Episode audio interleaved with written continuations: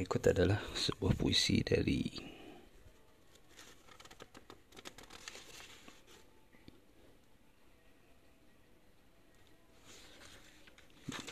T.H. Lawrence seorang penulis yang ya, menurutku eksentrik dengan lirik-lirik yang uh, biasanya manis The Ship of Death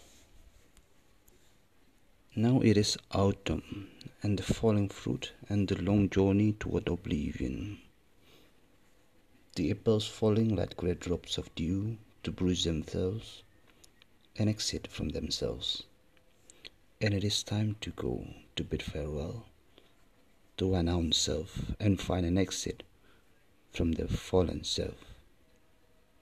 2. Have you built your ship of death, or have you? or build your ship of death, for you will need it.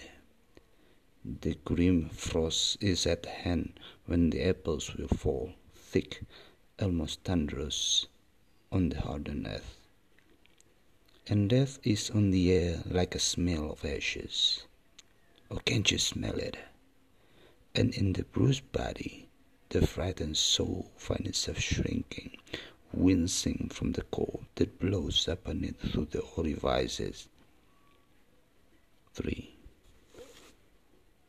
And can a man his unquietus make with a bare bodkin? With daggers, bodkin, bullets, men can make a bruiser or break or exit for his life. But is that the quietus? Or tell me, is it quietus? Surely not so. For how could murder, even self murder, ever a quietus make? 4. Or let us talk of quiet that we know, that we can know the deep and lovely quiet of a strong heart at peace. How can we this, our own quietus make? 5. Build then the ship of death, for you must take the longest journey to oblivion, and die the death, the long and painful death that lies between the old self and the new. Already our bodies are fallen, bruised, badly bruised. Already our souls are oozing through the exit of the cruel bruise. Already the dark and endless ocean of the end is washing in through the breaches of our wounds. Already the flood is upon us. O build your ship of death, your little ark, and furnish it with food, with little cakes and wine for the dark flight down oblivion. 6. Piecemeal the body dies and the timid soul has her footing washed away as the dark flood rises. We are dying, we are dying, we are all of us dying, and nothing will stay the death flood rising within us, and soon it will rise on the world and on the outside world. We are dying, we are dying, piecemeal our bodies are dying, and our strength leaves us, and our soul cowers naked in the dark rain over the flood, cowering in the last branches of the tree of our life. 7. We are dying. We are dying, so all we can do is now to be willing to die and to build a ship of death to carry the soul on the longest journey. A little ship with oars and food and little dishes and all accoutrements fitting and ready for the departing soul. Now launch the small ship.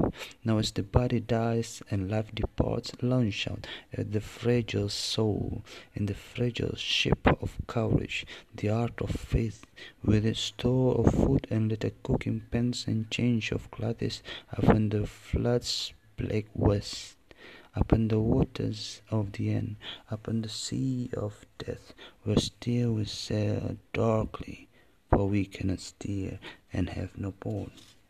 There is no port, there is nowhere to go. Under the deepening blackness, darkening still, blacker upon the soundless, uncurling flood. Darkness at one with darkness, up and down, and sideways utterly dark, so there is no direction any more, and the little ship is there, yet she is gone. She is not seen, for there is nothing to see her by. She is gone, gone, and yet somewhere she is there, nowhere. A. And everything is gone. The body is gone, completely under, gone, entirely gone. The upper darkness is heavy as the lower. Between them the little ship is gone. She is gone. It is the end. It is oblivion. 9. And yet out of eternity, a thread separates itself on the blackness, a horizontal thread that fumes a little with pallor upon the dark. Is it illusion? Or does the pallor fume a little higher? Oh, wait, wait, for there's the dawn, the cruel dawn of coming back to life out of oblivion. Wait, wait, the little ship drifting beneath the deathly ashy gray of a flood down. Wait, wait, even so, a flash of yellow and strangely old one soul, a flash of rose, a flash of rose, and the whole thing starts again. Then the flood subsides, and the body, like a warm seashell, emerges strange and lovely, and the little ship wings home, faltering and lapsing on the pink flood. And the frail soul steps out into her house again, filling the heart with peace. Swims the heart renewed with peace, even of oblivion. Oh, build your ship of death, or build it, for you will need it, for the voyage of oblivion awaits you.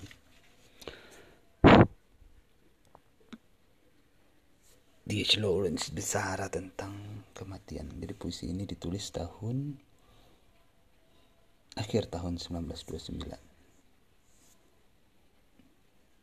Lawrence meninggal Maret 1930. Jadi seperti pengingat buat dia. Oh, udah bikin yang baik-baik belum? Ya keyakinan dia tentang kematian. Ya, mungkin dia sudah sudah merasa mati dan perlu mengingatkan diri sendiri tentang bersiap-siaplah untuk mati. Bangunlah kapal kecilnya, siapkan makanan kecil di atasnya. Tapi dia tutup dengan keyakinan bahwa dia akan hidup lagi.